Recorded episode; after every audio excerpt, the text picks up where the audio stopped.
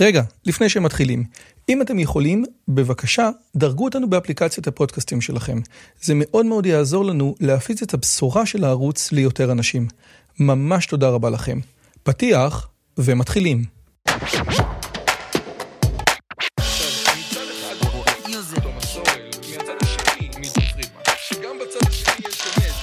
הפודקאסט של דוקטור רועי יוזביץ'.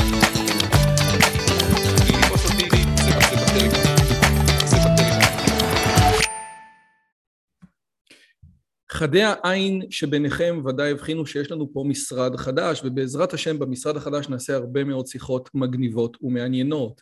והנושא של השיחה שלי היום זה נושא שככה הרבה זמן חשבתי אם אנחנו מדברים או לא מדברים עליו, וההקדמה שאני רוצה לתת זאת ההקדמה הבאה. סטיבן מאייר, הביולוג הדגול בשיחה עם בן שפירו, ניסה להסביר מה ההבדל בין אינטליג'נט דיזיין ובין קריאיישניזם. מה שנקרא בריאתנות. והוא אמר זאת שאלה של מאיפה אתה מתחיל. הבריאתנים, כן, האלה שבעצם מתארים את המדע כפי שהוא, כפי שהוא בספר בראשית, מתחילים מהתנ"ך ומנסים למצוא במדע הוכחות שהתנ"ך צודק.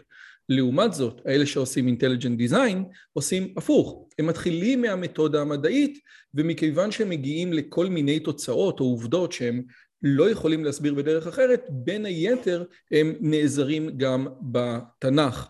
ועל זה אני הולך לדבר היום, מה המקורות של יציאת מצרים, האם יכול להיות שהייתה יציאת מצרים, האם נוכל אי פעם להוכיח שהייתה יציאת מצרים. ובשביל לעשות את זה, הזמנתי את מאור עובדיה. מאור עובדיה הוא איש מרתק לגמרי, אני רק רוצה להסביר קצת מי הוא מאור עובדיה. מאור עובדיה הוא איש, הוא איש הייטק רציני מאוד, ועוד מעט, אה, ובזמנו הפנוי, אבל הזמן הפנוי הזה כבר הפך להיות משהו הרבה יותר גדול, הוא בעצם חוקר, או איג'יפטולוג, או איג'יפטופיל, הוא חוקר את כל הנושא הזה של מצרים והתרבות המצרית ויציאת מצרים, והוא אחד האנשים עם הספריות הכי מרשימות שיש בארץ ישראל, ואם אתם מכירים את הערוץ של אלכס צייטלין עם הפרופסורים, לבוא לפרופסורים, הוא אחד, הוא הגיע פעמיים לשם, וזה כבר אומר דברים רציניים מאוד. אז ערב טוב, מאור, מה שלומך? ערב טוב, מה שלומך אתה? מיליון יורו, ואנחנו מקליטים את זה ערב יום הזיכרון, אז העובדה שאנחנו במדינה משלנו, כמו שצור ארליך אמר, היא כבר משמחת מאוד. אז קודם כל, באמת כיף גדול. אה, הצגתי אותך אה, בצורה נכונה, או שעשיתי איזשהו, או, או, או, ש, או שפספסתי משהו שהוא משמעותי? אני אחדד, אני לא אה, עוסק בהכרח בתרבות מצרים, בכלל התקופה של ברזל א', אה, וכל הקשר של ריאליה מקראית זה תחום, או אופי חייקר המקרא בכלל זה תחום שאני מתעסק בו כבר לא מעט שנים אה, אחד התחומים שאני חושב שבהחלט תרמתי להם הכי הרבה זה האזור הזה של יציאת מצרים אבל התחום הוא רחב אה, יותר מהדבר הזה אוקיי, okay. עכשיו לפני שאנחנו מתחילים לצלול לתוך השיחה המרתקת אני רק רוצה להגיד משהו כזה שהערוץ אה, והשיחות הם בחסות אה, הקורסים של יוזביץ', אז יש לנו קורס מגניב שנקרא הצלחה בלימודים. אם אתם רוצים ללמוד בצורה יותר טובה, אם אתם רוצים להשתלט על כל נושא בצורה רצינית, שווה לכם להסתכל על הקורס הזה, יש לנו סטודנטים שכבר לקחו חלק ושווה מאוד מאוד מאוד אה, לקחת את הקורס הזה, יש גם הנחה מטורפת, אבל הכל פרטים בסוף הסרטון. עכשיו, אני רוצה להתחיל בעצם, אני רוצה בשיחה בינינו להתחיל משלושה, או בעצם לגעת בשלושה דברים, אבל הדבר הראשון זה אולי באמת להתחיל ממה שהתחלתי עם סטיבן מאייר, עם ה-intelligent design, כן? בסופו של דבר אני רואה לך כיפה על הראש, וגם אני דוס, והשאלה היא, האם אנשים שמתעסקים בנושא הזה של יציאת מצרים מתוך הרעיונות המדעיים, האם כבר אי אפשר לבוא מיד ולתייג אותם ולהגיד, אה, ah, זה משהו אפולוגטי, אתה בעצם כמו גרסה מחודשת של הרב בגד משנות ה-80, שבעצם בא ואומר, אוקיי, התורה נכונה, איך אני מסביר את זה בקורסים לחוזרים בתשובה? אז אני חושב שזה הפיל הראשון שנמצא בחדר. אתה מקבל את הפיל הזה? אני מסכים איתך לגמרי, וזו שאלה מצוינת. אה, אתה צודק שהתופעה היא תופעה קיימת. כלומר, אה, אם אני, אני אגיד שיש גם אנשים שניגשים מהאזור הזה, אני אה, אגיד שאין כאלה, אני אשקר. אבל לפחות קשה לאדם להעיד על עצמו, אבל אני, אני יכול להגיד לך שבשלבים אה, משמעותיים בחיי, ותקופה שאני דתי, כן, לא תקופה שאני לא דתי או משהו, היה לי הרבה מאוד דעות דווקא סקפטיות בדברים האלו, כי אם היית שואל אותי לפני חמש שנים הייתי אה, מדקלם לך המון דברים שנחשבים ביקורתיים מאוד בחקר המקרא וזה לא השפיע כהוא זה על אורחות חיי, דווקא אני שייך לאלה ש... שה... פיתחתי דעה יותר שמרנית בתחום הזה של יציאת מצרים לאחר מחקר ולא לפני מחקר, כלומר אני דווקא אם אתה שואל אותי כאדם דתי אז לפני חמש שנים הייתי אומר לך משהו אחר לחלוטין. וגם חלק מהדברים אני מניח שתשמע ממני זה לא הדברים שאתה היית שומע בהכרח אה, בדרשת בית הכנסת. אה, אבל אה, כל, כל אחד, כמובן אנחנו מונעים מהמון המון דברים אנחנו צריכים לנסות לנתק את הדברים האלו כמה שיותר אני מקווה שאני מצליח לעשות את זה אבל זה לפחות מה שאני מנסה לעשות ולא לחייב את עצמי לא בשום דוגמה כמה שאני יכול עכשיו אני רוצה לחדד על משהו שאתה אומר גם אם יש הטיות, צריכים להגיד שהטיות קיימות לשני הכיוונים. זאת אומרת, אם יש אנשים שיוצאים מתוך התנ"ך ואומרים התנ"ך נכון, יש גם אנשים, עוד פעם, אני לא יודע מה המספר, שיוצאים מתוך התנ"ך ואומרים הוא לא נכון. זאת אומרת, אתה, אתה מוכן לקבל שההטיות קשורות לשני הכיוונים? אני אגיד לך... או שבצד הדתי יש יותר הטיות? יש קורלציה סטטיסטית, כאילו, גדולה, בין אה, דעה אה, ביקורתית בתחום הזה ל, ל, לדברים מקבילים כאלו בעולמות תוכן אחרים, מדעות פוליטיות, זה קיים בכל הצדדים. אתה צודק, אני רוצה להאמין שחוקרים הם, הם אנשים ישרים ו, ויש דברים שוב לא מודעים, אבל שהדברים לא נעשים אה, בזדון, כך שוב, גם אני אה, מנסה, אבל יש קורלציה ויש גם חריגים מהקורלציה הזו. אה, אבל התופעה היא בהחלט קיימת, כאילו האסכולה שנחשבת הכי רדיקלית בחקר המקרא נמצאת בסקנדינביה והיא גם מאוד ידועה גם בדברים אחרים בדעות כאלה ואחרות, אז קורלציה קיימת, צריך לנסות להוריד אותה ואני מקווה שהיא לא נמצאת אצל רבים. אז אני רוצה לתת שתי דוגמאות מעניינות, אחד מהדוגמה מהעולם הקטן שלי, אני התחלתי את החקר שלי על מחקר על האינטליגנציה מהספר השלישי, מתוך, אתה יודע, איזושהי תפיסה של כל מיני דברים שאני ידעתי, וככל שקראתי הדברים האלה התהפכו, וחייבים להזכיר את גרשום שולם, שהתחיל את המחקר שלו בקבלה כדי להוכיח שגרץ ודומיו טעו, וספר הזוהר אכן הוא ספר קדום, וככל שהוא יתקדם ויתקדם ויתקדם, הוא פשוט, למרות שזו הייתה המוטיבציה הראשונית שלו, פשוט שינה את דעתו, מכיוון שהעובדות סיפרו סיפור אחר. אז הרעיון הזה שבן אדם משנה את העמדה הראשונית שלו, מכיוון שהוא רואה עובדות, היא, היא, אה, זה, זה רעיון שקיים והוא באמת ראוי להערכה.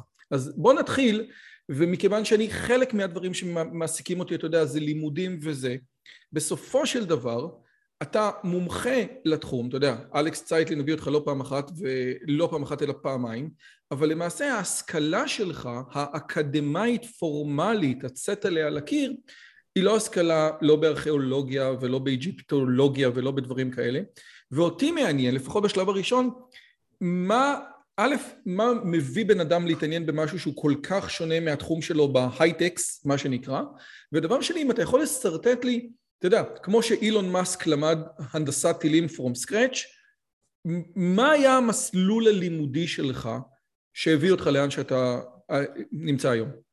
אז אני אגיד לך, דבר ראשון שאני מתעניין בהיסטוריה מגיל צעיר מאוד. כאילו בפרפרזה אני ביקשתי לבר מצווה שלי את האנציקלופדיה העברית ההורים שלי החליטו לקנות לי אה, לפטופ, אז, אז הגעתי, התחלתי להתחיל והגעתי ל-8200 ולא לא לאזורים ההיסטוריים, אבל אני אומר, זה באמת אהבה... כל הכבוד להורים של מאור, כל הכבוד.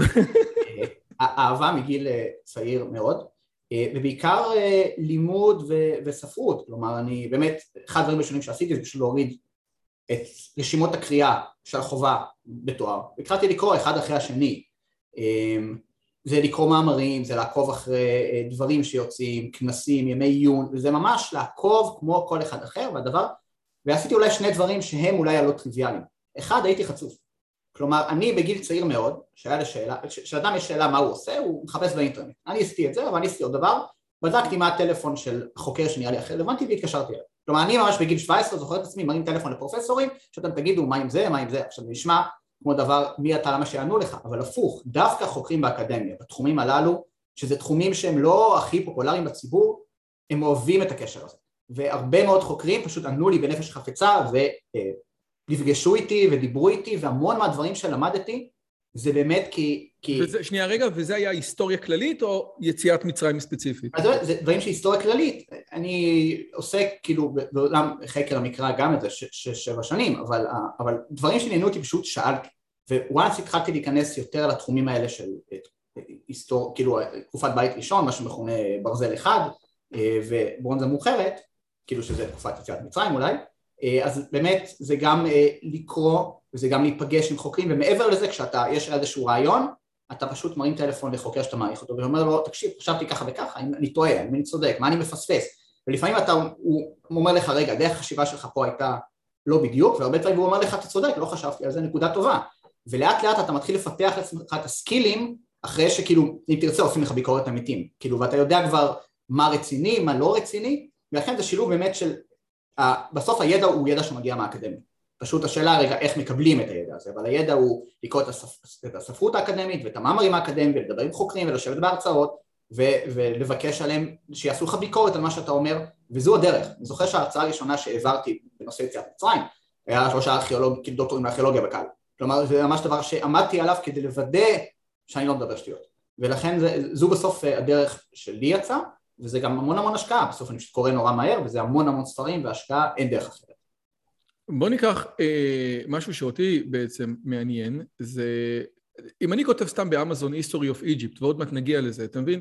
אני מקבל פה כל מיני History of Ancient Egypt, אני מניח שוודאי חלקים, אם לא את כל הספרים פה אתה מכיר, כן?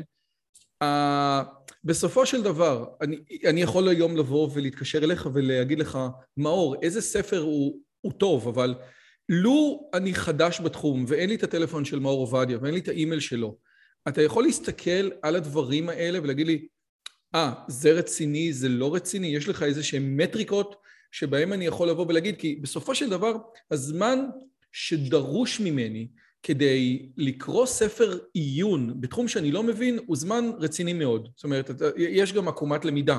והייתי לא רוצה לבזבז את הזמן הזה על משהו שהוא סתם, הייתי רוצה לבזבז את הזמן הזה על משהו שהוא משמעותי.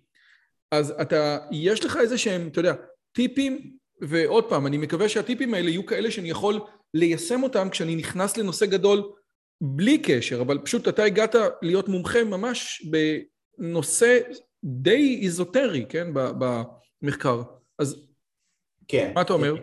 אז דבר ראשון, כאילו לחפש ספרות באמזון זו גם שיטה טובה, אבל, אבל צריך לדעת לסנן כמו שאמרת, אז אתה יכול לדבר ראשון לראות מי, מי המחבר זה חלק מאוד משמעותי, לבדוק עליו, כאילו, איפה למד, מה למד, באיזה משרות הוא כאילו הוא משמש אה, כהוראה באקדמיה ובעיקר כמה הוא מייצג דעות מיינסטרים.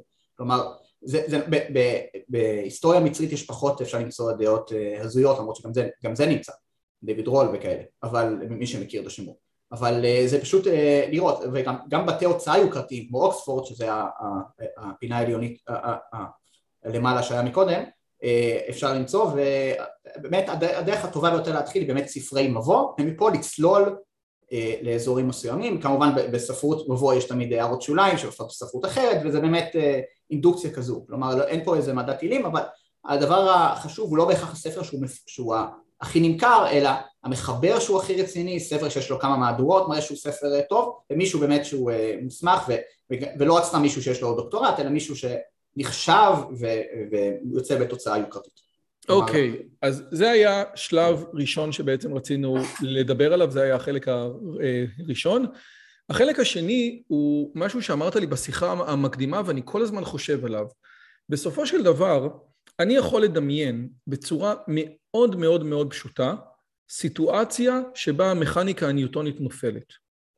תכל'ס זה כבר קרה, כן? אבל אני יכול לדמיין בצורה מאוד מאוד פשוטה סיטואציה שבו תיאוריה פיזיקלית אה, בעצם מתגלה כלא נכונה, כן? זה הרעיון המרכזי של פופר, כן? הרעיון הזה של אם אתה יכול לתאר לי איזשהו עיקרון הפרחה שבה התיאוריה שלך לא עומדת, מבחינתי התיאוריה שלך היא תיאוריה מדעית. עכשיו, לאחרונה התגלה איזשהו שבר של אה, אה, מהר גריזים או מהר עיבל, אני לא רוצה להיכנס בדיוק לנקודות האלו, אבל אחד הדברים שאמרת לי בשיחה, או שאני הבנתי, זה שבעולם של הארכיאולוגיה, או בעולם של בני ישראל עם הארכיאולוגיה או תנ"ך מול ארכיאולוגיה, אין דבר כזה אקדח מעשן. וזה מבחינתי היה משהו שמאז שדיברת איתי אני כל הזמן חושב, זאת אומרת, גם, גם אם אני אראה וואטסאפ של שלמה המלך לקבוצת האלף נשים שלו, כל אחד מה, מההוגים, זאת אומרת המינימליסטים יסבירו את זה ככה, ואין שום דבר שבן אדם יכול לבוא ולהגיד, אה, ah, אם זה ככה, אני משנה את דעתי לגמרי, מה שהופך את זה, אתה יודע, בצורה פשוטה לפחות, למשחק גדול מאוד שהוא לא מדעי. אז קודם כל, הבנתי אותך נכון, ואם כן, איך זה יכול לקרות? תראה, זה נכון שמדעי הרוח, בשונה ממדעי הטבע, הם כאלה שיש חלק מאוד מאוד גדול, כאילו, יש חלק הרבה יותר גדול, הייתי אומר, לסברה, וניתן להסביר עובדות רבות בדרכים שונות, יש לדעתי הסברים סבירים יותר ופחות, אבל ניתן. ולכן גם אה, אם יתגלה מבצע כזה או אחר, אני לא חושב שיש מבצע אחד ש, ש, שישנה את כל, את כל ההשקפה, אני יכול לתת דוגמה עם ההיסטוריה של חקר המקרא, חקר המקרא כשהוא התחיל במאה, סוף המאה ה-18, אה, הוא היה מאוד מאוד ביקורתי, החל מראשית המאה ה-20 שהתחילו חפירות ארכיאולוגיות, פתאום היה איזשהו גל כזה שהיה נראה שהמחקר מוכיח את התנ"ך, ומשנות ה-70 עוד פעם הוא קיבל גל של ירידה ועכשיו הוא קצת נמצא בעלייה. כלומר הדברים משתנים, אבל מה קורה בדיוק בשנים האלו ש... שיש קונצנזוס, קונצנזוס מסוים, אז כל ממצא שהוא לא מתאים לקונצנזוס מפרשים אותו בהתאם לפרדיגמה הקיימת. ולכן יש בהחלט כר נרחב לעשות את זה, וזה אחד הדברים של הקושי בדבר הזה. לא הייתי אומר שזה לא מדע, זה יש לזה את הסייגים שיש במדעי הרוח, שיש בהם בעיות, אבל אני כן חושב שניתן להגיד מהי תיאוריה סבירה יותר, סבירה פחות, אתה צודק שמי שחושב שהיום אנחנו יודעים בוודאות ש... זה יומרה חסרת בסיס, כי כשיסתכל מה חשבו בדעות לפני עשרים שנה, חשבו דברים שונים לחלוטין. אז אני אתן לך אולי דוגמה אחרת. פינקלשטיין, שהוא נחשב אחד מה, מהחוקרים החשובים ביותר בזרם המינימליסטי, אגב, אלכס צייטלין, אתה יודע, שאני דיברתי איתו, אמר שבסופו של דבר, כשאתה בודק לעומק, ההבדל בין המינימליסטים למקסימליסטים הוא הרבה יותר קטן ממה, ש, ממה שחושבים בציבור. כן? הרבה הרבה יותר קטן, אני מניח שגם אתה רואה את זה. אבל פינקלשטיין אומר, לא מצאנו מטבע של דוד המלך, לא מצאנו. עכשיו, אני יודע שלא מצינו אינה ראייה, אבל עושה רושם שהוא היה רוצה למצוא מטבע, זאת אומרת, כאילו, לו הוא היה מוצא מטבע של דוד המלך, אז הוא, הוא, אז הוא, הוא היה משנה? כי זה ממש משפט שלו, לא מצאנו. אני אגיד לך כך, דבר ראשון, ויש לי פה מחלוקת על זה עם, עם ידידי הטוב אלכס, בארץ אין דבר כזה מקסימליסטים ומינימליסטים, זה, לא, זה שתי אסכולות שלא קיימות בארץ, בארץ יש את שני אסכולות שיכולות לאסכולות המרכז מה שנקרא, אה, אנשים שהם השקעה יותר ביקורתית ויותר שמרנית, אבל המסכולות הקיצוניות, מה שמכונה מינימליזם, קיים רק באירופה ומקסימליסטים קיימים בעיקר בארצות הברית. אין, אין בארץ, כאילו השתי אסכולות שאלכס אומר שהן לא מאוד שונות, זה כי אלכס רואה את אסכולות המרכז, אלכס בארץ לא מצליח למצוא אנשים מהסכולות הקיצון, הם לא, פשוט לא קיימים כמעט בארץ. אה, אז זה דבר אחד. אה, הדבר השני, יש לנו דווקא, אני לא רוצה להתייחס לשאלה עצמה, אבל יש לנו דווקא שני, שני מסמכים שכאילו מזכירים את השם דוד, כלומר דוד, אין מחלוקת שדוד עצמו היה קיים, אבל אתה צודק ש... אה, כאילו ברגע שהוא, ברגע שגילו כתובת שמזכרת את דוד, אז בהתחלה במחקר המינימליסטי באירופה נסו להגיד שזה לא דוד, זה דוד וכל מיני דברים כאלו ש... מה שמוכיח אפשר לפרש כל דבר בכמה דרכים, אבל עדיין יש פרשנות סבירה ולא סבירה. אה, אבל אני בטוח שאם ישראל פינקלשטיין יגלה נניח כתובת שתזכיר את שלמה הוא הראשון שיודע שיש שלמה אה, בזה אין לי שום ספק עדיין ומדובר בהחלט בחוקר בין החשובים ביותר במאה השנים האחרונות ועדיין אני לא מסכים הרבה מהאינטרפטציות שלו. כלומר אני חושב שכשיש אה, אפשרות לפרש ממצא בצורה, בשתי צורות, הוא אכן ינטה יותר לצורה ביקורתית, אבל זה בגלל הנחות היסוד שלו, כאילו אני, אני לא מסכים איתן, אבל, אבל אבל הוא, אני בהחלט חושב שמדובר באדם ישר, אין שום ספק, אה, אבל אה, אכן נמצא באזורים הקיצוניים של חקר המקרא באירופה אה, פרשנויות לפעמים מופרכות לדברים שבו ברור מה הם אומרים, אבל לא רוצים לדעת בזה. פרשנויות מינימליסטיות יכולות להיות שאם יום אחד במדבר סיני נמצא קבור את המשכן, כולל בני הכסף, כולל, כמו שאדם זרטל בזמנו ראה את המזבח בדיוק כמו במשנה, אז גם אם יגיד, אתה יודע מה, אז היה שם עם, אבל מה הקשר של היהודאים האלה אליך, בסופו של דבר, זאת אומרת, זה אולי בסופו של דבר הנקודה שתמיד יהיה אפשר לבוא ואיזשהו אה, שמונה בטקי כזה, קלף מנצח, שאוקיי, יכול להיות, מה הקשר של הממצא הזה לעם היהודי היושב בציון היום? אתה מקבל שזה תמיד קלף שעולה? אתה צודק, אבל זה שלמה נכון. זנד כל- למשל, הוא ממש חזק ברעיונות האלה. שלמה זנד הוא דוגמה למינימליזם אמיתי, מה שנקרא, למרות שהוא לא עוסק בחקר המקרא, אבל אה, אני אתן לך ככה, כאילו בסוף כל תיאוריה, כל מדע עובד בצורה כזו, אתה יודע, אתה מכיר, כולנו מכירים את תומאס קון ואת העניין של מפרשים לפי פרדיגמות עד שיש משבר פרדיגמטי, אתה צודק שעד שלא יהיה משבר פרדיגמטי אז ימשיכו לפרש לפי אותה פרדיגמה, כל חוקר לפי האסכולה שלו, לפעמים צריך לשאול את עצמך אם ממצא מסוים אמור לגרום לי למשבר פרדיגמטי ואת זה אני חושב שחוקרים לא מספיק עושים, אני חושב שמה שקורה ב-15 השנה האחרונות אמור לגרום לבחון את הפרדיגמות מחדש. אני אתן לך סתם דוגמה, אנשים לא יודעים, כן? כולנו גדלנו על זה שבסיפור כיבוש יהושע יש את הבעיה הזאת שאין, שיריחו נכבשת אבל אין ממצאים מיריחו. עכשיו, לפני מי שקרא את דוחות החפירה שיצאו מיריחו לפני שנתיים, יש ממצאים ביריחו. דוחות החפירה של משלחת יריחו האחרונים, בצורה מפורשת, יריחו הייתה מיושבת בתקופת יהושע, שלא תגיד שזה חוקר פונדמנטליסט, אה, מי שחופר את אה, יריחו הוא, הוא המינימליסטים של אירופה, כלומר הוא באמת אה, ברמה של, הוא כמעט לא מסכים לדבר עם ישראלים, כאילו ברמה הזאת. באמת אדם דווקא קיצוני מאוד לכיוון המינימליסטי, סתם בגלל השקפות פוליטיות, לא משנה מה, והוא מודה בצורה ברורה שיש זה ביריחו. תסתכל על ה... על החיבת קייפה. המון המון דברים שקורים בשנים האחרונות שאני חושב שכן צריכים לגרום לבחון את הנחות היסוד מחדש, כל עוד לא יעשו את זה ימשיכו לפרש לפי אותה הנחת יסוד ואתה צודק וזה... אגב, אבל לפני כאילו בשנים שבוע, הללו, נכון? לפני שלושה ימים התפרסם משהו שכן מצאו משהו בסדום, שיש איזה שהוא... אבל... אה, כן, אבל זה... זה היה בוואלה, אז אני אומר, אם זה היה בוואלה, אז אולי זה כן, אני לא יודע, כן? כאילו שהיה אה, איזשהו משהו נורא חם בסדום. זו חפירה אה, שנעשתה לפני כמה שנים על ידי בחור בשם סטיבן קולינס, שהוא שייך אגב למינימליזם, למקסימליסטים הקיצוניים מה שנקרא, אה, חוקר אה, אוונגליסט כמעט בריאתן הייתי אומר. המבצע הזה הוא ידוע כבר כמה שנים ואפילו פורסם עליו בכתב עת מדעי איזשהו מאמר.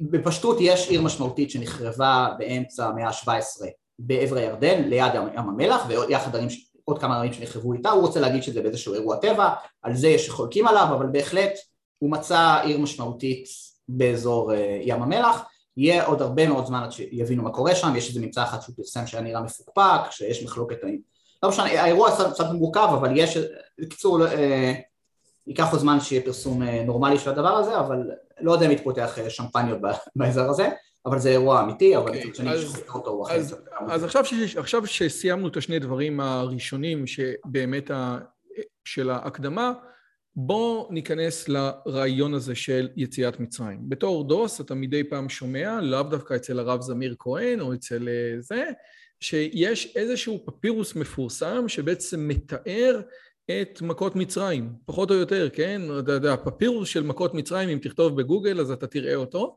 והנה בבקשה, פירוס אומר, ובשיחה המקדימה אתה אומר לי, שקר גדול. אז, אז נו, מה קורה איתך? עבדו עליי?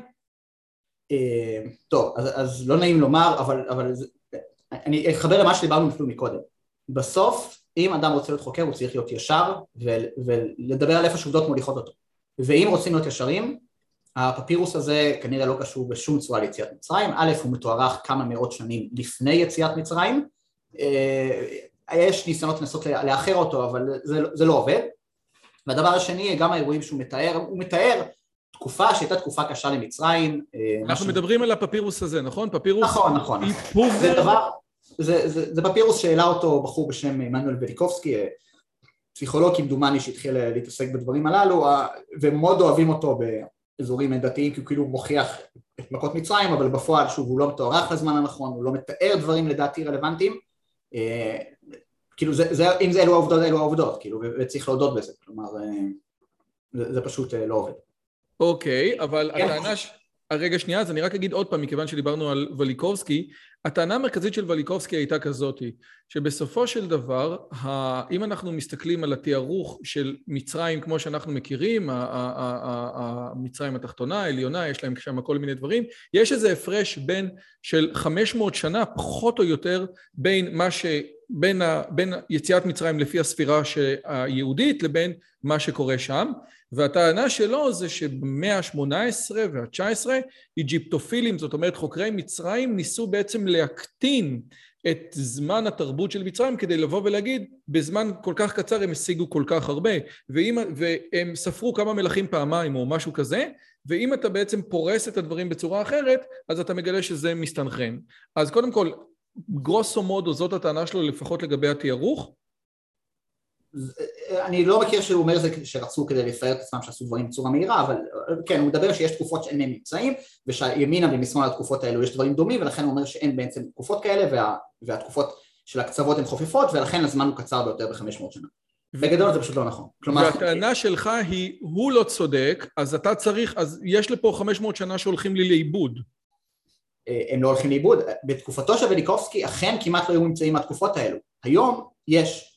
כלומר, וליקובסקי, אני אגיד לך ככה, יש הנחה, והיא הנחה שפשוטה גם אצל הרבה מאוד חוקרים והיא לא נכונה, שארכיאולוגיה זה כלי שמאפשר לדעת בדיוק מה היה בעת העתיקה. כלומר, אנחנו יכולים למצוא כל דבר שהיה.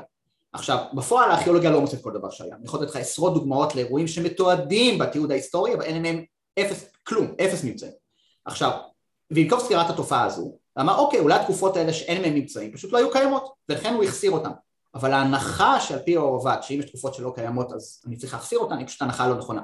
כלומר, והיום, ומעבר לזה, היום יש ממצאים מהתקופות האלו, אנחנו יודעים להגיד שהשחזור שלו, של העת העתיקה, פשוט שחזור שלא עובד, כלומר הוא רוצה להגיד יש בעיות בתמונה הקיימת, אני אבנה לכם תמונה חדשה, הבעיה שהתמונה החדשה שהוא בנה, לא רק שאין לה בסיס, היא יוצאת יותר בעיות מאשר מה שהיו לפני.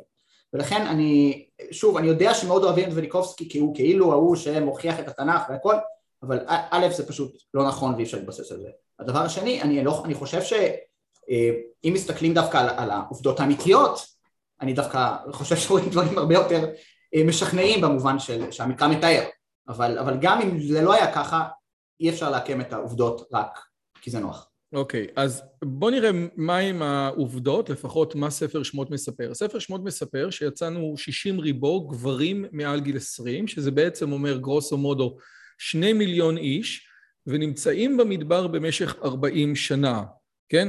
זה מה שאנחנו יודעים מהתורה. ושני מיליון איש שמסתובבים במדבר 40 שנה, תקשיב, אני נמצא, אני הייתי בכל מיני פארקים בסוף יום העצמאות, כן? אני יודע איך נראים 500 איש בסוף יום עצמאות, כן? Mm-hmm. בסדר? אז, ושני מיליון איש במשך 40 שנה היו אמורים להשאיר משהו. אז... זאת, זאת, אני חושב שזאת אה, אה, שאלה לא קנטרנית, זאת שאלה מהותית, לא? אז אני, אני חלוק עליך בכמה הנחות בדבר הזה. ההנחה הראשונה היא שאין נמצאים מדבר סיני מאותה תקופה. רוב האתרים שמתוארים בתורה הם כאלה שאנחנו לא יודעים להגיד איפה הם היו, השמות לא השתנו, אנחנו לא יודעים לזהות את המיקום שלהם, אבל לפחות באתרים שאנחנו יודעים לזהות את המיקום שלהם, ברובם יש לנו בהחלט נמצאים, יש לנו אפילו בקדש ברנע, שזה אתר שתמיד אמרו שחפרו אותו כל כך טוב ואין בו ממצאים, יש לאחרונה קרמיקה מדיינית שיש מחלוקת אם היא מתוארכת ראשית המאה ה-12 או 13 לפני הספירה, אני, אני לא אתחיל להסביר עכשיו בשנייה זו את ה, מה אומר הזמן הזה, אבל זה איך זמן יציאת מצרים, אה, זה נכון גם לציון גבר, זה נכון לרוב התחנות שהם עוברים שיודעים לזהות אותם, דווקא יש ממצאים, כולל ממצאי פחמן 14, אבל לדעתי אין שום סיכוי שהממצאים האלה קשורים לישראלים הקדומים, מפאת העובדה שהחבר'ה האלה הם נוודים, עכשיו זה נשמע כמו איזה תירוץ דתיים, איזה נוודים לא משאירים שרידים ולכן לא מצאנו, אבל עזוב, באחד התעודות של רמסס השני, ושהוא לדעתי הפרעה של יציאת מצרים, הוא מתואר שהוא הולך לאדום ומנהל מלחמות נגד השבטים של אדום. אין חרס באדום באותה תקופה, חרס אין. עכשיו, ואנחנו לא מניחים שרמסס ממציא אותם, נכון? אנחנו מכירים, אה, אה, במגידו יושב, יושב מחנה גדול של רמסס שהוצר על מגידו תקופה ארוכה. מגידו נכפלת 40 שנה על ידי אחד הארכיאולוגים הטובים בעולם, ישראל פינקלשטיין. אין חרס מהמחנה הזה. גם אולי אחד ימצאו יום אחד איזה חרס, אבל כלומר אנחנו חושבים ש, שזה רק עם ישראל, אנחנו אה, לא, לא, לא רואים ממצאי נוודים, זה נכון בכל העולם. היה אחד שטען שהוא יודע למצוא ממצאי נוודים, קראו לו פרופסור אדם זרטל, אה, שאולי לא הייתה, הייתה שיטה אחרת, וגם לזה יש מחלוקת בדיוק נוודים או סמי נוודים, אבל בפשטות הבעיה הזאת קיימת בכל הדברים, ולכן למרות שכן יש ממצאים במדבר סיני פחות או יותר מאותה תקופה, ספורדים אבל הם קיימים, אני לא חושב שהם קשורים. עצמות של בני אדם, מה קורה להם אחרי אלף שנה אם הן קבורות בחול? העצמות יכולות אה, לשרוד אם אתה תלוי באיזה, אה, כאילו איפה, איפה אתה, מה שיטת הגבורה ומה המיקום בדיוק אבל הגבורות, הגבורה שעשו בסיני זה, ואנחנו רואים את זה גם באתרי התנחלות, האתרים של ימין עם ישראל, אז רואים שהוא התיישב, זה, זה קברי שולחן, כלומר זה, זה דברים שלא יודעים למצוא אותם, כלומר גם כשיש יישובים של ישראלים קדומים אנחנו לא מוצאים את הגברים שלהם כמעט, כלומר שיטת הגבורה היא בעייתית. אני אגיד לך ככה, יש, היה, היה איזה כנס מאוד מעניין לפני שבע שנים, שאחד החוקרים דווקא הביקורתיים, כאילו בהקשר יציאת מצרים, אמר שלפי החישוב שלו היו אמורים להיות כאילו כמה, כנראה מיליון, מיליון ומשהו נוודים שחיו בסיני מתקופת הברונזה עד ימינו, כן, אם אתה מחשב כמויות סבירות, כמה, כמה גברים מצאנו בסיני? לא מצאנו מיליונים, גם לא מצאנו עשרת אלפים, ואני חושב שהמספר הוא מאה. כלומר, יש את הבעיה הזאת, כלומר היא בעיה קיימת בכללי, ויום אחד אולי יפותחו שיטות שבהן ניתן יהיה למצוא דברים כאלה, אבל בכל אופן להעמיד את השאלה הזו ואת יציאת מצרים על השאלה הזו לא נשמע לי כמו דבר חכם, ואני חושב שרוב החוקרים הביקורתיים שהם דנים ביציאת מצרים אפילו לא יוצאים, ונגדה, אלה שהם כן נגדה, לא יוצאים מה, מהבעיה הזו.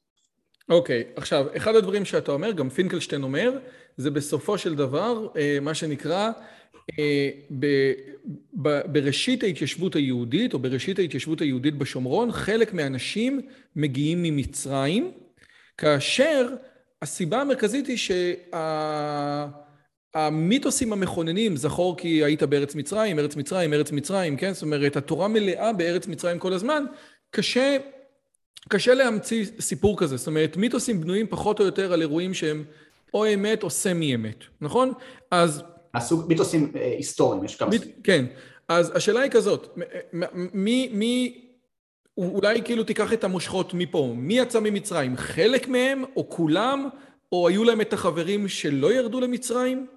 אוקיי. מה קורה לפי דעתך מהרגע שיעקב אבינו, או מהרגע של זה? כאילו, או, או אולי נשאל אפילו אחרת, איפה נכון להתחיל את, ה, את הסיפור הזה? אני אגיד לך כך, בוא, בוא נתחיל בעובדות שהן ברורות. במחקר יש שאלה שמכונה שאלת ראשית ישראל. מה זה שאלת ראשית ישראל? ב-1220 לפני הספירה, סדר גודל, בהר המרכזי של ארץ ישראל, כלומר יהודה ושומרון, מופיעים מאות יישובים, מאות יישובים שמתחילה להופיע בהם איזושהי אוכלוסייה. יישובים האלו הם לא, באופן פשטני התרבות שלהם היא לא התרבות הקלאסית שהייתה רגע לפני. זה אומר שצורת היישוב בנוי כמו מבנה של מעל בדואי. זה אומר שהדת שלהם, אנחנו לא מוצאים שם פסלים. הקרמיקה שלהם, כלומר החרסים שלהם הם חרסים מאוד פשוטים, זה אומר שהם לא, לא צבועים, אין חרסים מיובאים, אה, בהמון המון דברים אנחנו רואים שהם מיוחדים, אין עצמות חזיר שם, שיש מחלוקת מה המשמעות של זה, אבל אין שם עצמות חזיר, ואנשי היישובים הללו, וזה מוסכם, יהיו אלה שעתידים להקים לימים את הממלכות שיקראו ישראל ויהודה ולהפוך לעם ישראל, אוקיי? אז ב-1220 לפני הספירה מופיעים פה היישובים האלה. שאלת ראשית ישראל שואלת מאיפה הם הופיעו, למה הם הופיעו, מתי, מה, מה קורה, זו שאלת ראשית ישראל. כאילו, הם לא הגיעו מתל אביב בגלל עליית המחירים, זה בעצם מה ש... גם יש מי שאומר גם את הדבר הזה, אני עוד שניה מדבר על זה. כאילו, ברוך השם, זה אומר שתמיד היו עליית מחירים בתל אביב, איזה יופי. אה, אז יש ספקטרום של דעות מה, מה בדיוק קורה שם. דעה אחת, שהחבר'ה האלה בעצם הם, הם תושבים כנעניים, שבעקבות אירועים כלכליים וכל מיני שינויים שקורים במרחב, מחליטים לעזוב את הערים המקומיות ולהתחיל לטפס על ההר לחיות מחדש. זו דעה אחת. דעה שנייה שהיישובים האלה הם לא חדשים, מדובר באוכלוסייה שיושבת מאות שנים באותם האזורים כנוודים ופשוט מתחילה להתיישב בצורה שאתה רואה אותה על הקרקע. אותו, אותו האחד שיכול להגיד שאין גבוהות נוודים של עם ישראל, יגיד לך שהם באו מנוודים אחר, במקום אחר פשוט. כן, אתה לא יכול להיפטר מבעיית הנוודים הזו. אה, דעה אחרת אומרת שפשוט זה שבטים שישבו בעבר הירדן, הם תושבי עבר הירדן שהחליטו להיכנס לתוך ארץ ישראל. דעה אחרת שהחבר'ה האלה הגיעו ממצרים. יש, זו שאלה שבגדול לא יודעים להכריע בה, אף פעם לא יכלו להכריע בה כאילו מבחינה מדעית אם תרצה, אה, ההנחה המקובלת במחקר היא שהכל נכון, זה שילוב קבוצות ממצרים, מעבר הירדן, מתוך כנען, מיהודה ושומרון, כאילו שילוב של כל הדברים, זו התמונה היותר מקובלת הייתי אומר ככה. עכשיו, כשאתה שואל אותי מה דעתי, אני חושב שבגדול התשובה הזאת היא נכונה, מדובר בקבוצות שהגיעו מכל מיני מקומות, אבל הקבוצה המרכזית לדעתי הגיעה ממצרים. מדוע אני חושב את הדבר הזה? אמ, דבר ראשון צריך לדעת שיש כמעט קונצנזוס במחקר, וזה מה שאמרת גם קודם, שיש איזשהו גרעין של אמת בסיפור יציאת מצרים. למה? א', הסיפור הזה, הז'אנר שלו זה לא איזה ז'אנר של מיתולוגיה, של סיפור שקורה ב- בימי הבריאה, זה סיפור שמתרחש בתוך מה שמכונה ההיסטוריה הממשית, הוא משופע בפרטים, הוא מהותי מאוד ב- ב- בהיסטוריוגרפיה הישראלית, שמאוד ברור לכולם, אין כמעט מי שחולק שיש פה איזשהו גרעין של אמת, ולא רק בגלל הז'אנר. מעבר לזה שבאותה תקופה גם היה קשר בין מצרים לכנען, כלומר ברור לכולם שיש פה איזה סיפור. אני רק אעצור? אותך לרגע שנייה ואגיד, בסופו של דבר, אחת הטענות של הדתיים, המחזירים בתשובה, זה שהסדר פסח הוא כל שנה, אתה מזכיר את יציאת מצרים. זאת אומרת, וזה כבר שנים של שנים של שנים, והרעיון המרכזי, ואולי זה התחיל באמת ביציאת מצרים. אז אני לא יודע אם אני אוהב את הטיעון הזה או לא, אבל אני מעדיף בכלל לא להתעסק בטיעונים כאלה, אלא בטיעונים יותר מדעיים, ברשותך. אבל, אבל, אבל ברור רגע שיש משהו ביסוד הסיפור הזה. מה, על מה המחלוקת? מה המינונים אם תרצה? האם מדובר בשלושים איש שברחו ממצרים, או, או שמדובר במשהו יותר מלך? אני מעריך שמדובר בקבוצה מרכזית שמוצאה ממצרים. מדוע אני אומר את זה? דבר ראשון, כמו שאמרתי, ברור שיש גרעין כלשהו לסיפור. העניין הוא שאתה מסתכל מה, מה אומר הסיפור. וכשאתה רואה מה אומר הסיפור, אתה רואה שהסיפור הזה משמר מסורת אותנטית מהמאה ה-13 לפני הספירה, כלומר שזה הזמן שבו מופיעים היישובים. ואני אומר טענה מאוד פשוטה, בהינתן שמישהו יושב פה במאה השביעית ומנסה לשחזר את ההיסטוריה של העם שלו, והוא מצייר לך תמונה של מצרים של המאה ה-13 לפני הספירה, איך הוא יודע במאה השביעית להגיד ב-1220 מופיעים היישובים ולתאר לך את מצרים של רגע לפני הופעת היישובים, כלומר תקח לדוגמה את העיר פיתום ורמסס, אלו שתי ערים שמיוחסות למלך בשם רמסס השני, נבנו פחות או יותר בנגיד 1270 לפני הספירה, 1260 לפני הספירה, וכלומר יושב פה מישהו במאה השביעית ויודע לה, להגיד שמה שהישראלים בנו זה באמת הזמן שהרגע לפני שהיישובים האלה מופיעים פה בארץ, כלומר אותם המתיישבים שבטוחים שהם הגיעו ממצרים, מחזיקים זיכרון שהם בנו בית יישובים שנבנו 30-40 שנה לפני זה. רגע, המאה השביעית, כשאתה אומר המאה השביעית, אתה מדבר לכתיבת התורה? יש דעה במחקר, שמול זה, כאילו זה, זו הדעה האלטרנטיבית, שבעצם הסיפורים האלו הם סיפורים שנכתבים כמעט יש מאין במאה השביעית. במאה השביעית יושבים אנשים בחצר יאשיהו ולוקחים מסורות שהיו קיימות, אם תרצה גרעינים היסטוריים שישראל היו במצרים ועוד המון סיפורים ומרכיבים את זה לאיזשהו אה, סיפור שמרכיב את ההיסטוריה הישראלית בדיעבד. שזה עכשיו- חמשת החומשים כפי שאנחנו מכירים אותם. כן, זה טיפה יותר מורכב מזה, כי זה ייערך בשלבים לפי, לפי הדעה הזו, אבל, אבל כן, אם הייתי מאוד מאוד רוצה להפשיט, אז הייתי אומר שזה, פה, שם נכתב גרעין מרכזי, לפחות לדעה הזו. ואז אני אומר, תחשוב שאותו אחד שבמאה השביעית כותב את הסיפור הזה, הוא פשוט יודע לתאר מה קורה ספציפית במאה ה-13 לפני הספירה. עכשיו, אז או שהבחור הזה יש לו מכונת זמן והוא יודע מה קורה שם, או שהוא פשוט, הטקסט הזה הוא כנראה לא מאוחר. עכשיו, וזה מה שאני מכנה ריאליה. מה זה אומר ריאליה? ריאליה בעצם אלו תיאורים שיש בטקסט שמשקפים את מצרים ועוד במאה ה-13 לפני הספירה. אני אתן לך דוגמה, כי אני אתן לך כמה דוגמאות כדי להסביר את המקרה. משה גדל בחצר חצר המלך, נכון? יכלת להגיד איזה סיפור מיתולוגי, מוצאים מישהו בתיבה, מגדלים אותו, נשמע טיפה מוזר. אנחנו יודעים שבאותה תקופה מצרים הייתה אימפריה. אחד הדברים שהם היו עושים זה לוקחים נסיכים וילדים קטנים מכל העמים שכבשו אותם ומגדלים אותם בתוך הארמון. למה? כדי לאפשר לשלוט בעמים, שיהיה מישהו שם שמכיר את המנטליות המצרית, כלומר הדבר הזה שהתורה מתארת שמשה גודל בבית המלך זו מציאות מצרית של המאה ה-13 לפני הספירה. ואת זה אתה מכיר מאיפה? מהפפירוסים שאנחנו מוצאים במאה... כן. ב-200 שנים האחרונות ומתרגמים אותם ומבינים שזה מה שקורה? נכון, נכון.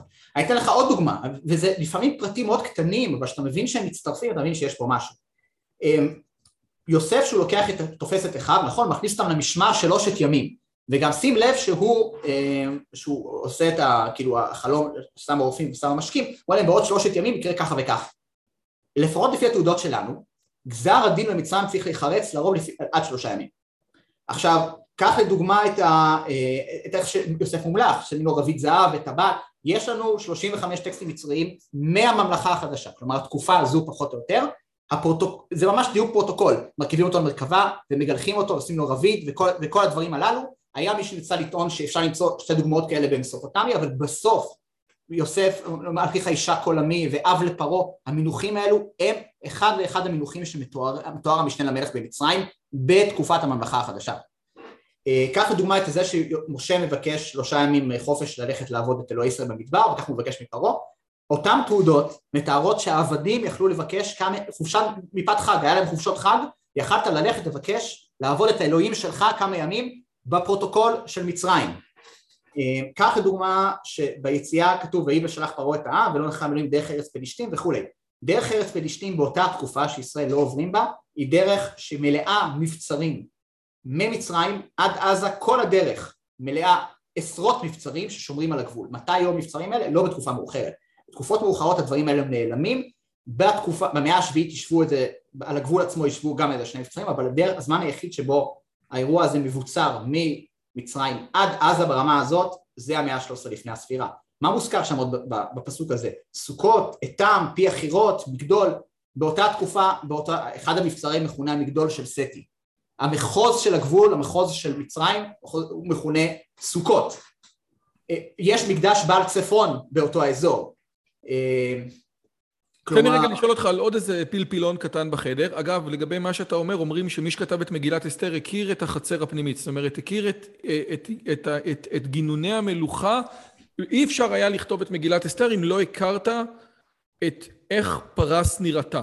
כן? נכון. החצר הפנימית, החצר החיצונית, החשדר פנים, זאת אומרת, זה משהו שכדי לכתוב את המגילה היית צריך לדעת. זה בעצם מה שאתה מתאר פה, נכון? נכון? סוג של... אני מתאר פה משהו יותר מדויק אבל, כי הרבה מה, מהנקודות האלו הן לא נקודות שהן נכונות לתרבות המצרית, הן נכונות למצרים של האלף השני לפני הספירה.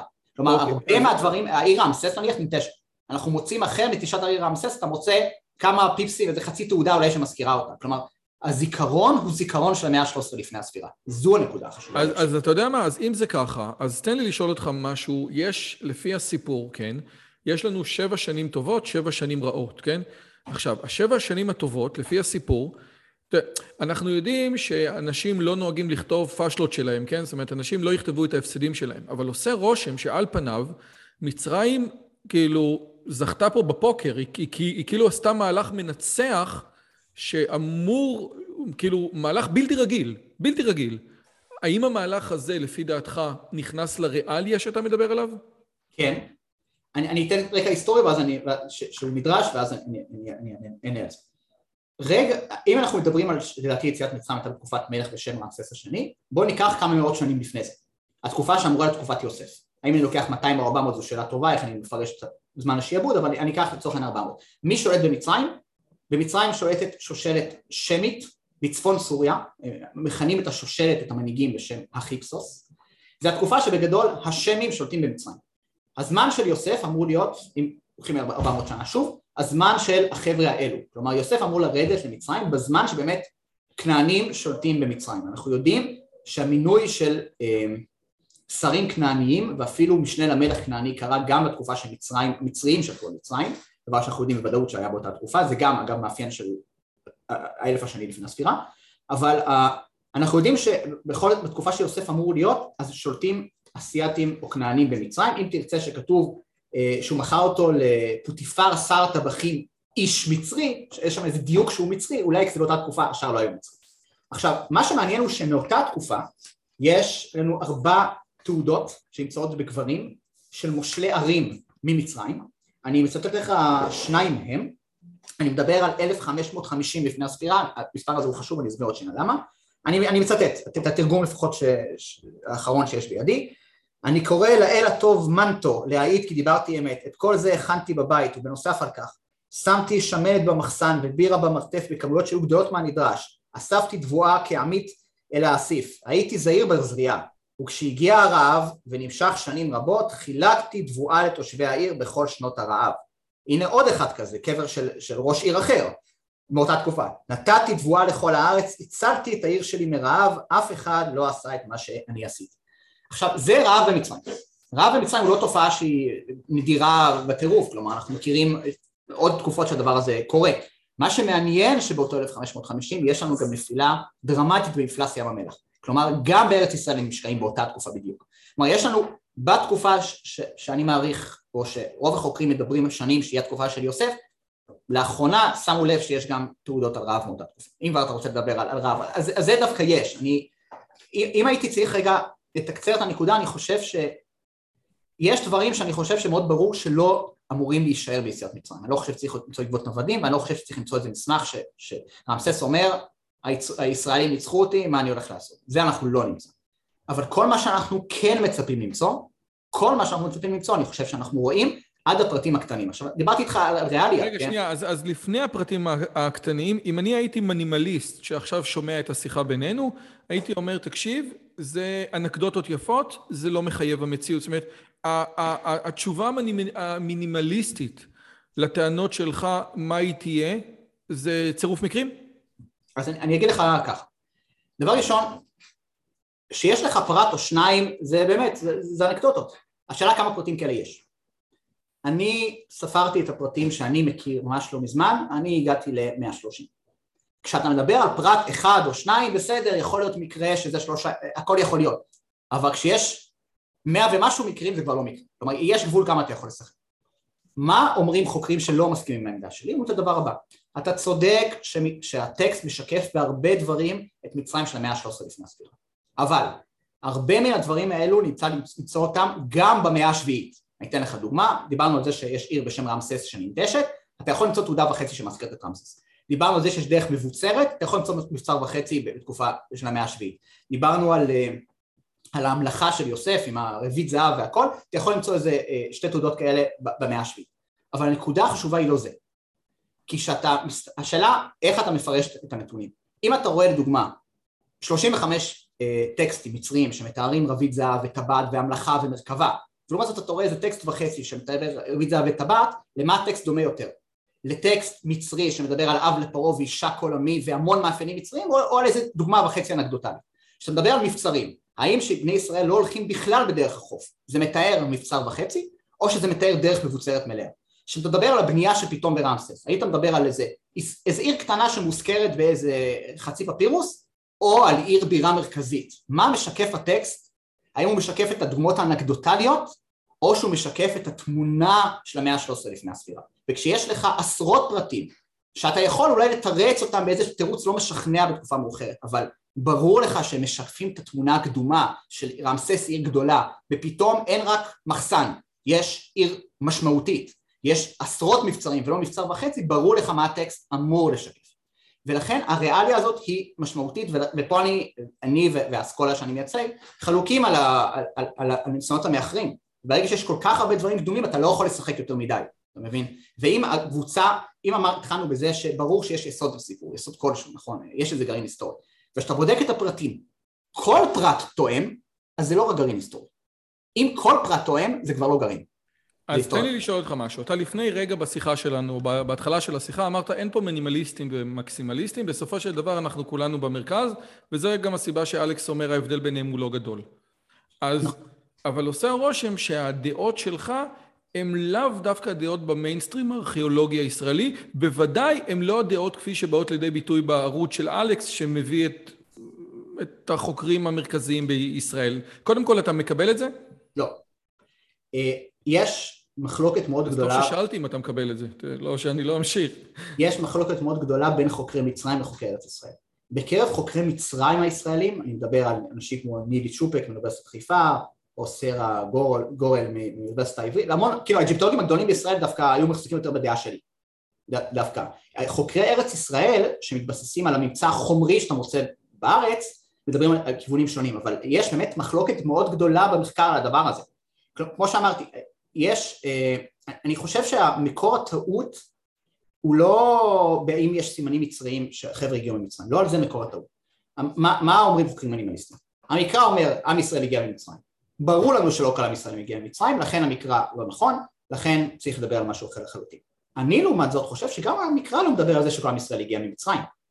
תחשוב רגע על אה, מי מצטרף לעם ישראל. יש לנו את הגבעונים שמצטרפים לעם ישראל, יש לנו את הדוגמה של משפחת רחב, יש לנו את הדוגמה של, של המשפחה של רות, כלומר יש לנו איזשהו עדויות ויש לנו מדיינים, אנחנו יודעים דבר ראשון שזה לא רק חבר'ה שיצאו ממצרים, אלו דוגמאות אנקדוטליות לקבוצות שלמות שכנראה מצטרפות לעם ישראל. קח את הדוגמה השנייה, בדברי הימים יש לנו אה, פסוק אה, שנחשב אה, תמוה, שאני, שאומר ככה, ובני אפרים שותה לך, ובר בנו, ותחת בנו, ואלעדה בנו, וזה ממשיך עכשיו עוד רשימה של שמות, הרגום אנשי גת הנולדים בארץ כי ירדו לקחת פקניהם ויתאבל אפרים אביהם ימים רבים ויבואו אחיו לנחמו. בני אפרים, הבנים של ההוא שנולד במצרים, הם מסתובבים בגת. מה, איך, איך בני אפרים מגיעים לגת? גת זה בארץ ישראל. לא מעט פרשנים ולא מעט גם חוקרי מקרא אומרים שמה שהמקרא משמר פה זה בעצם זיכרון שבמקביל לזה שעם ישראל יושב במצרים. יחד איתו יש צאצאים של מה שמכונה עם ישראל שיושבים בארץ ישראל ולא נמצאים בסיפור הזה. כלומר אם תרצה אה, יש עם ישראל בזמן שיעבוד מצרים מחולק לחבר'ה שיושבים במצרים ולחבר'ה שיושבים בארץ. ו... כאילו חלק מהילדים של יעקב חזרו? חזרו, זה פשוט פסוקים מפורשים, זה פסוקים מפורשים, וברגע שאתה רואה את העובדה הזו איפה אגב יש את הפסוקים שחלק מהילדים של יעקב, אחרי שיעקב, אתה יודע, ספר בראשית מסתיים בזה שכולם בגושן. נכון. אה, ספר שמות לא מתחיל בזה, כאילו, יש לנו בדברי הימים כן. שהם חוזרים הביתה לפני השיעבוד? בדברי הימים מתוארים בני ישראל שיורדים לקחת את המקנה שלהם, לרדת זה לא ממצרים, ממצרים עולים, יורדים לקחת את המקנה שלהם ועושים מלחמות. הספר דברי הימים מתחיל בנקודה שיש חבר'ה שיושבים פה בארץ. וכשאתה לוקח את העובדה הזו ואת העובדה שאנחנו יודעים שקבוצות שלמות הצטרפו לעם כלומר גבעונים כדוגמה, אבל יש עוד קבוצות, אתה מבין שהתמונה שמעלה מעלה המקרא הוא תמונה מורכבת, כלומר התמונה שיש חבר'ה שמגיעים ממצרים וחבר'ה שמגיעים מההר ו- ומצטרפים כולם ביחד, זה מה שהמקרא מדבר עליו. כשהמחקר אומר שהוא נגד יציאת מצרים, הוא נגד התמונה שעם ישראל הגיע רק ממצרים. אבל ברגע שאתה מבין שגם המקרא לא מתאר את התמונה הזו, אלא מדבר על התמונה המרובדת, אתה מבין שהמקרא והמחקר אומר אותו דבר, המחלוקת היא על המספרים, ואני חושב שברגע שאתה רואה שהתמונה של הריאליה של מצרים היא כל כך דרמטית למה שקורה במצרים של המאה ה-13 לפני הספירה, זה כבר מביא אותי לאמירה שהיסוד הגדול הוא ממצרים. אוקיי, okay, בוא נתקדם. לך יש תיאוריה על המספרים. אנחנו יודעים 60 ריבו, 600 אלף גברים, 2 מיליון איש. אתה אומר כשהמקרא, ועוד פעם, תגיד לי אם אני אומר אותך נכון, שהמקרא מדבר על מספרים, הוא לא מתעסק בזה כמו שאנחנו כותבים במחשבון מספרים. אז קודם כל, האם אני מבין אותך נכון? זאת אומרת, אל תיקח את המספרים של המקרא כפשוטו. אז... זה, הבנתי אותך נכון או שלא הבנתי אותך נכון? זו, לא, זו לא תיאוריה שלי, צריך לומר. אה, זו, זו, כאילו, אנחנו יודעים שבעת העתיקה שכתבו מספרים, לפעמים התכוונו כפשוטם, לפעמים לא התכוונו כפשוטם. זו הדבר שהרגע, שאנחנו יודעים. השאלה, האם אני חושב שגם במקרא יש מקרים כאלה. אז בפשטות אני חושב שיש מקרים שבוודאי כן, אני חושב תן לי דוגמה למקרה הכי פשוט, חוץ מזה שכאשר, שכאשר סופרים את השבטים אז מעגלים את זה למאות, כן, אז אין כאילו מספרים 352, 1487, אין לנו את זה, זה תמיד מסתיים בעיגול לעשרות או למאות, אז זה בסדר, כן. את זה אני מקבל. אני אתן לך דוגמה, נניח כתוב ש, שיציאת מצרים קורית 480 שנה לפני בניית בית המקדש, נכון? פסוק מפורש. פתאום ורעמסס נבנים 250 שנה לפני בניית בית המקדש.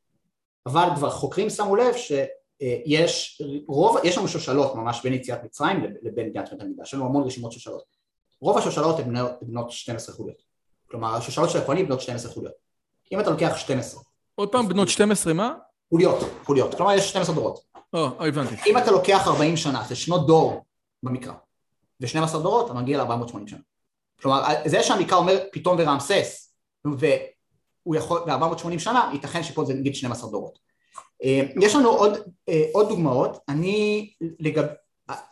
הערכה שלי, אני, אני לא יודע להגיד, כן, אבל אה, יש הווה אמינא לדעתי שהמספרים, מספרי בני ישראל הם גם איזושהי תבנית טיפולוגית כזו או אחרת, יש כל מיני הצעות למה התבנית הזו, אני אגע בזה רגע בקצרה כי זה, זה דורש uh, כניסה למשהו ארוך, אני אגיד שזה רעיון ששמעתי אותו ידידי פרופסור נריה קליין, זה לא רעיון שלי, uh, כאילו הוא זה שגילה את המחקר שמדבר על הדבר הזה, אבל שמו לב כמה דברים, משהו מיוחד, תשים לב, יש את מספרי השבטים עצמם, נכון? יש ממש את כל המניינים, המניינים באופן כללי הם יחסית עגולים, יש לך, uh, תמיד יש, כאילו זה מסתיים בספרת מאות, זה לא מסתיים אף פעם בספרות עשרות, זה תמיד ספרת מאות עכשיו שמו לב דבר ראשון שהפילוח של ספרת המאות הוא לא הפילוח הטבעי, נכון? אם יש לך 12 שבטים אתה מצפה שהפילוח יהיה 1 100, 1 200, 1 300, נכון? אתה מצפה לפילוח טבעי.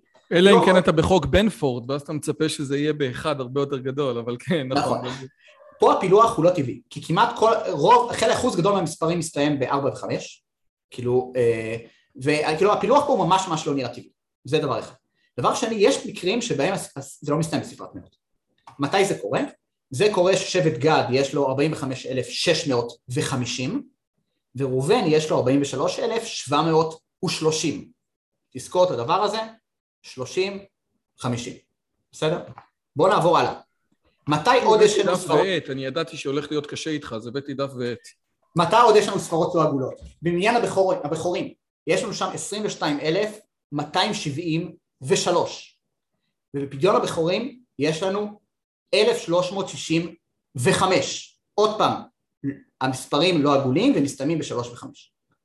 שים לב במניין הלוויים, לשבט גרשון יש 2,630, לקהת יש 2,750, אותו סיפור.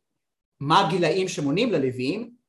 בונים את מניין בין בני 30 עד גיל 50, כלומר כל פעם שהמספרים הם לא עגולים זה 30 ו-50, כל פעם שבמניינים, כאילו כל המספרים הם עגולים בתבנית שהיא מראש נראית אנומלית ותמיד זה מסיים ב-30 ו-50, כלומר יש פה איזשהו רמז שיש פה איזושהי תבנית, מה המשמעות של התבנית הזאת, אני מכיר כל מיני פרשנויות לדבר הזה, אני, אני לא רוצה להגיד אה, כי אין משהו אני חושב שהוא ודאי, אבל גם פה יש לנו רמזים שאולי מדובר באיזושהי תבנית, אני לא אומר את זה כ- כסימן קריאה, כלומר אני, ייתכן שהמספרים הם, הם, הם, הם לא, לא איזה מספרים סמליים. דבר איתי בעברית בבקשה, שנייה רגע. כשאתה אומר את כל הסיפור הזה, מה שאני אמור מכל מה שדיברת עכשיו, שזה מגניב בתור אה, איזשהו משהו, אני לא יודע מה, בסופו של סוף אתה אומר, אם אני מבין אותך נכון, בזה שהמקרא אומר 60 ריבו ואתה מתאר מלך שזה שתי מיליון, אני, ההתיישבות הקדומה בשומרון לא מאפשרת לי להכניס שני מיליון, ולכן יכול להיות שהמקרא מדבר על 60 ריבו,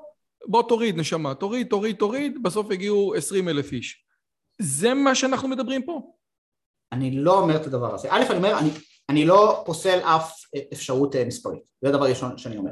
אני אומר שיש, שבעת העתיקה חלק מהמספרים היו מספרים סמליים, טענה עובדה, טענת עובדה א', טענת עובדה ב', יש לנו רמזים למספרים סמליים גם במנייני בני ישראל. מעולה. האם, האם אני עושה את הקפיצה מפה? אני לא יודע. לא שאלת לא עובדה ג', שאלת עובדה ג', אני יכול, כי זה הפודקאסט שלי.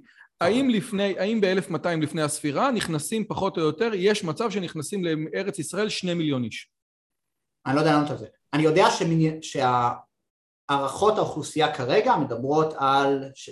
שהמתנחלים, כאילו שמתיישבים בהר, זה נניח אה, בין 50 ל-70 אלף איש. אלו הערכות. ההערכות האלה מבוססות על מה שהם מצאו. האם ייתכן שיש מלא דברים ואנשים שישבו באוהלים ולא בבתי קבע ולא מצאו אותם? בהחלט ייתכן. אני לא, זה, דברים שאני לא יודע לענות עליהם. שואל אותי האם, מה כרגע הערכות האוכלוסייה? הערכות האוכלוסייה הן קטנות יותר. האם זה מוכח? לא, אתה יודע, זה, זה לדבר על דברים, אם יושבים באוהלים אי אפשר לדעת את זה. אוקיי, בואו. יש לי שני מקומות שאני יכול לקחת את השיחה הזאת מפה, מבחינתי אם זה יהיה לך אפשרי הייתי שמח לגעת בשניהם. הראשון הוא יותר פשוט וזה אה, קריאת ים סוף, כן? כקונספט שבן גוריון בזמנו, החבר'ה האלה אמרו, ממקום הזה, יש פה זה, היה פה גאות, היה פה שפל.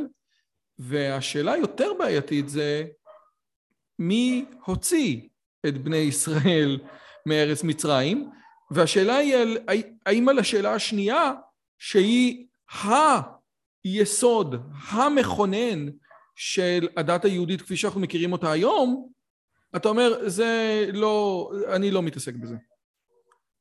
אני אגיד לך משהו לגבי שתי השאלות. אני לא יודע להגיד כלום על הדברים האלו. כלומר, אני, יכול להיות שמבחינה פילוסופית אני יכול להעלות פה כל מיני אה, דברים, או, או, או כאדם, אני אומר, אני אה, כמי שמתראיין כהיסטוריון או כחוקר, זה, זה דברים שאני לא, לא יכול לדון בהם, וכל אחד יפרש את הנתונים אה, איך ש...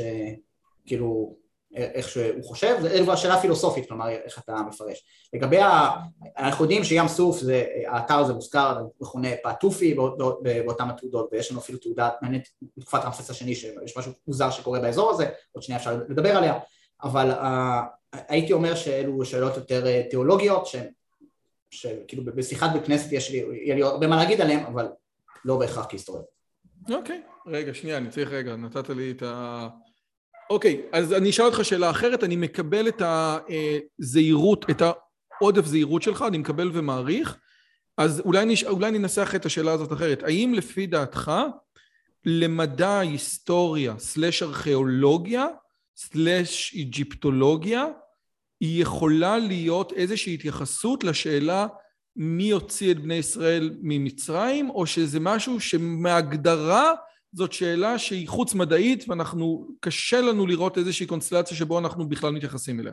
זאתי שאלה שאתה יכול לענות עליה בצורה יותר פשוטה? כן. אני חושב שארכיאולוגיה יכולה לאשר או לא לאשר לנו אירועים שהיו. ובהקשר הזה, איזה, איזה אירועים יש, זה בהחלט כר נרחב לדיון הפילוסופי, האם יש משלכה דתית לדבר הזה, כאילו ודאי שצריך לראות מה הנתונים כדי שיהיה אפשר לעשות עליהם דיונים היסטוריים, והארכיאולוגיה יכולה, לא יכולה אולי, אולי להגיד אירועים שלא היו, אבל יכולה להגיד אירועים שכן היו, אז ודאי שזה נתון שהוא רלוונטי, אבל בכל מצב שלא יהיה, תמיד העובדות יתנתנו לפרשנות, לפרשנויות שונות, כן, את זה אפשר להתווכח מבחינה פילוסופית מה הפרשנות הסבירה יותר, כן, זה, זה בהחלט נכון, אבל אני לא חושב שארכיאולוגיה תוכל לענות על שאלות כאלו, היא רק יכולה להגיד האם באמת היה איזושהי מגפה באותה תקופה, זה, זה מה שיכולה, אם, אם נשאר תיעוד כזה. האם הבכורות מתו? זו אמירה מטורפת, עם כל הבכורות, אני מניח שעוד פעם. אני, אתה צודק שאחרי זה יהיה את מישור הפרשנות שעליו כל אחד יכול לפרש איך שהוא, שהוא רוצה, זה יכול לענות על שאלות העובדה האם נשאר תיעוד על, על דבר שכזה. תגיד לי, אולי שאלה אחרונה ברשותך לסיכום. מכל מה שנגענו בו, ונגענו בו בהרבה מאוד דברים, מה לפי דעתך הדבר או הדברים החשובים ביותר שבן אדם שמתעסק, שאיך אומרים, שהשקיע את הזמן בשיחה שלנו, צריך לדעת ולא נגענו בו. מה אם, אתה יודע, נניח אתה אמרת על 130 נקודות ריאליה, אה, חלק מהם זה פרעה, חלק מהם זה השלושה ימים, חלק מהם אה, אה, זה ה... רק שנייה, נתת לי עוד כמה נקודות ריאליה. זה ה... יש לא מעט. כן, נכון, יש שם כמה, יש שם כמה, אבל אה, שהולכים למדבר, שהולכים למדבר לעבוד את האלוהים שלהם. מה הם הנקודות לפי דעתך החשובות ביותר ששווה להכניס בתור עובדות לדיון הזה שלא נגענו בהם עד כה? אז אני אגיד לך כך, הרבה מהשיחה, ש... ריאליה שאמרתי לך מקודם, יכלתי להגיד לך לפני שלוש שנים. בשלוש השנים האחרונות אה, התגלו כמה דברים שהם מאוד משמעותיים לפחות לי, והם לדעתי, אה, אם היה משהו שהוא יותר אקדח מעשן זה זה. Game changer, מהו ה-game changer מאז השיחה עם אלכס? כן, מה, מה, מה התקדם מהשיחה עם אלכס? כמו שאמרנו, במצרים ישבו כנענים, זה אנחנו יודעים, זה מה שהשליטים שלהם מכונים החיקסוס, זה אנחנו יודעים. בשלב מסוים, ואנחנו יודעים שלפחות לפי אה, היסטוריון מצרי אה, בשם, כאילו אה, אליניסטי, החבר'ה האלה גורשו ממצרים בשלב מסוים.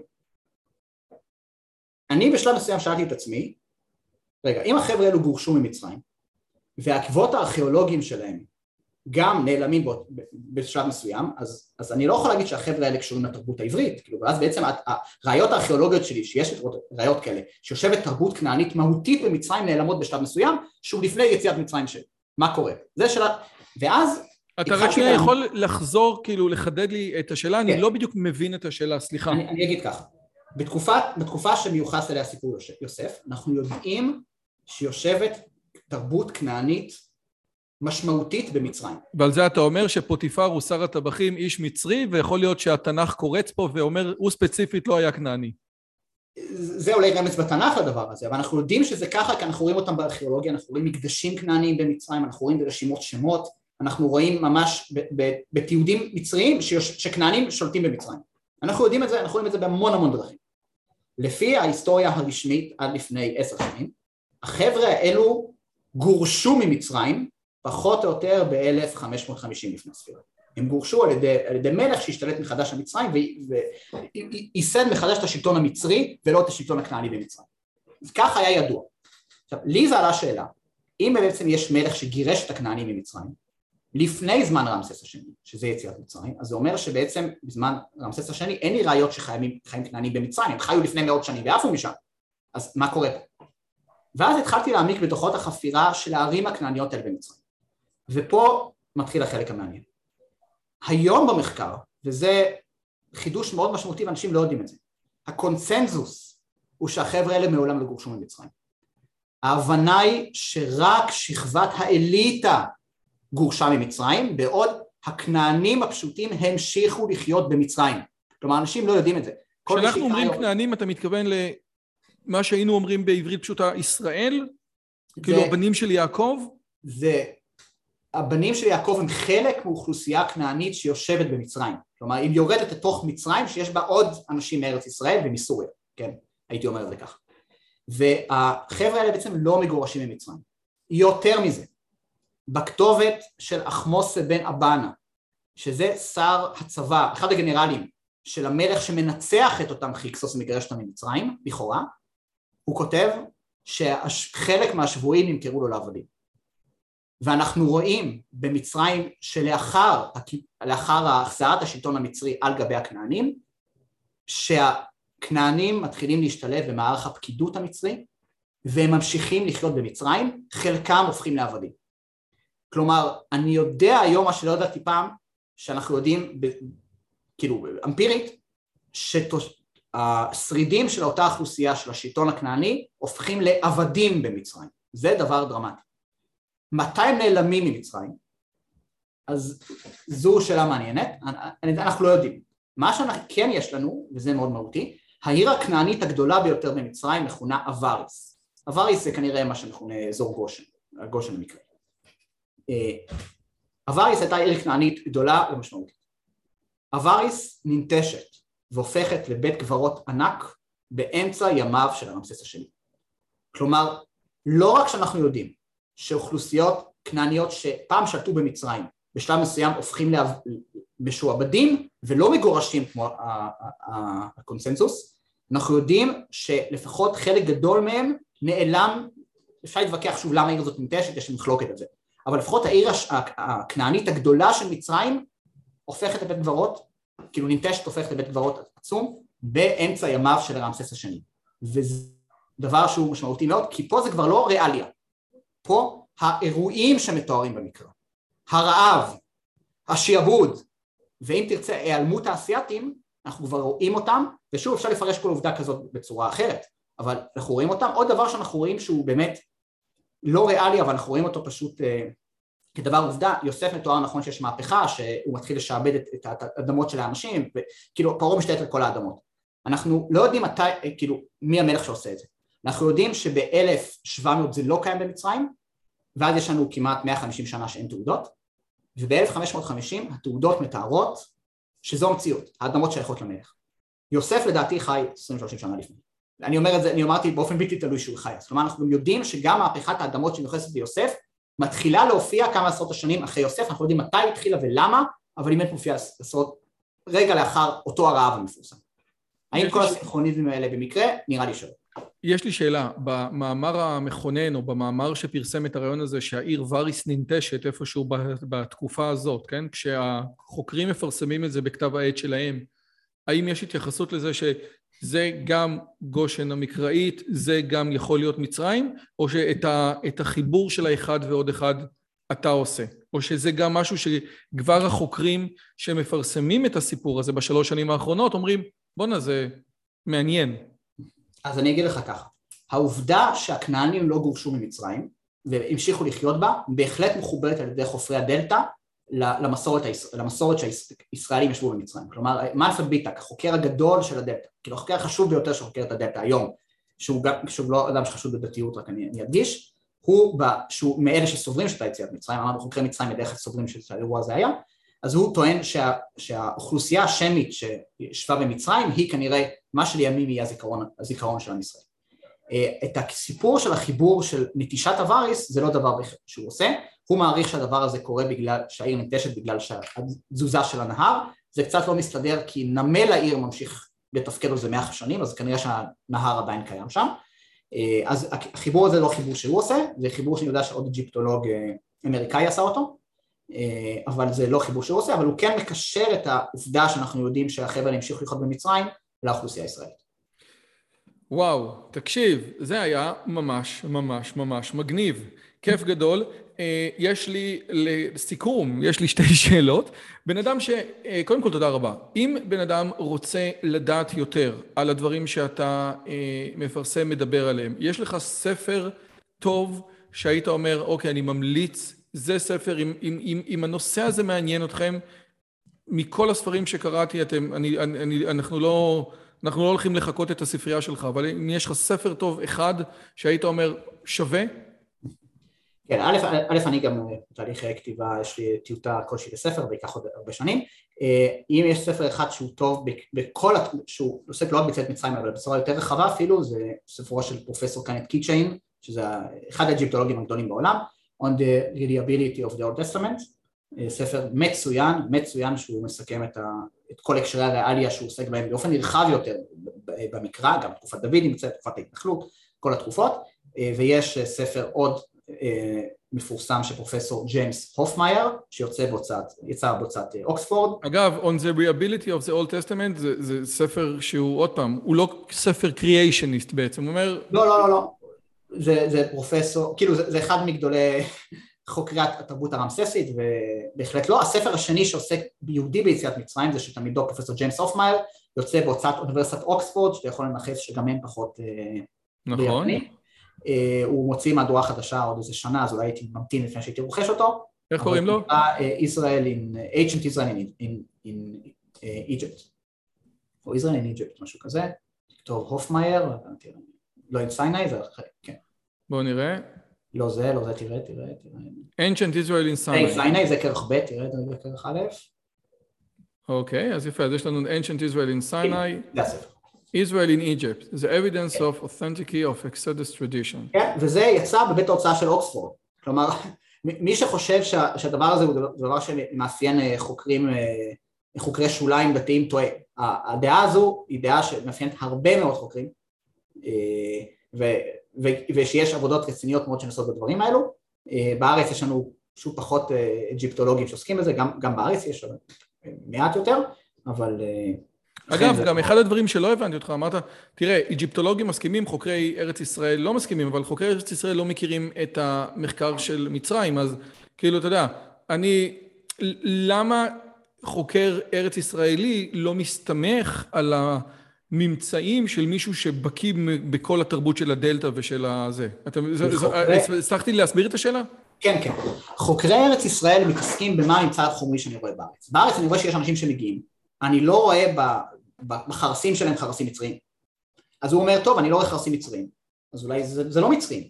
חוקרי מצרים עוסקים לעומת זאת בהקשרים המצריים, אתה מבין? זה לא שאגב חוקרי מצרים כולם מסכימים בהכל, כן? יש דעות פה ושם, גם בחוקרי ישראל יש כאלה שמסכימים מצרים מצרים, אבל הם לא מסתכלים על הדברים האלו. אנחנו כן יודעים ש- שהתרבות הדתית של ישראל היא מאוד מאוד קשורה למצרים, יש המון, אפשר להראות הרבה דוגמאות, לא ניכנס לזה כי זה ארוך, אה, ו...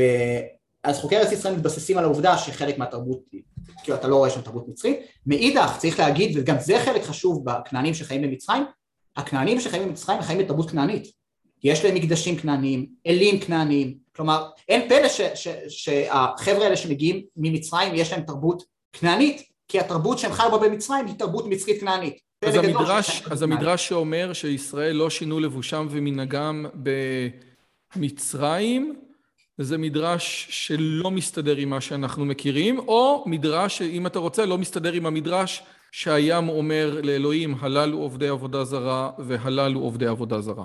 ספר שופטים אומר הסירו את עולי הנכר שעבדו אבותיכם בעבר הנהר ובמצרים. כלומר דווקא הספר שופטים מעיד שהם קצת עבדו שם עבודה זרה.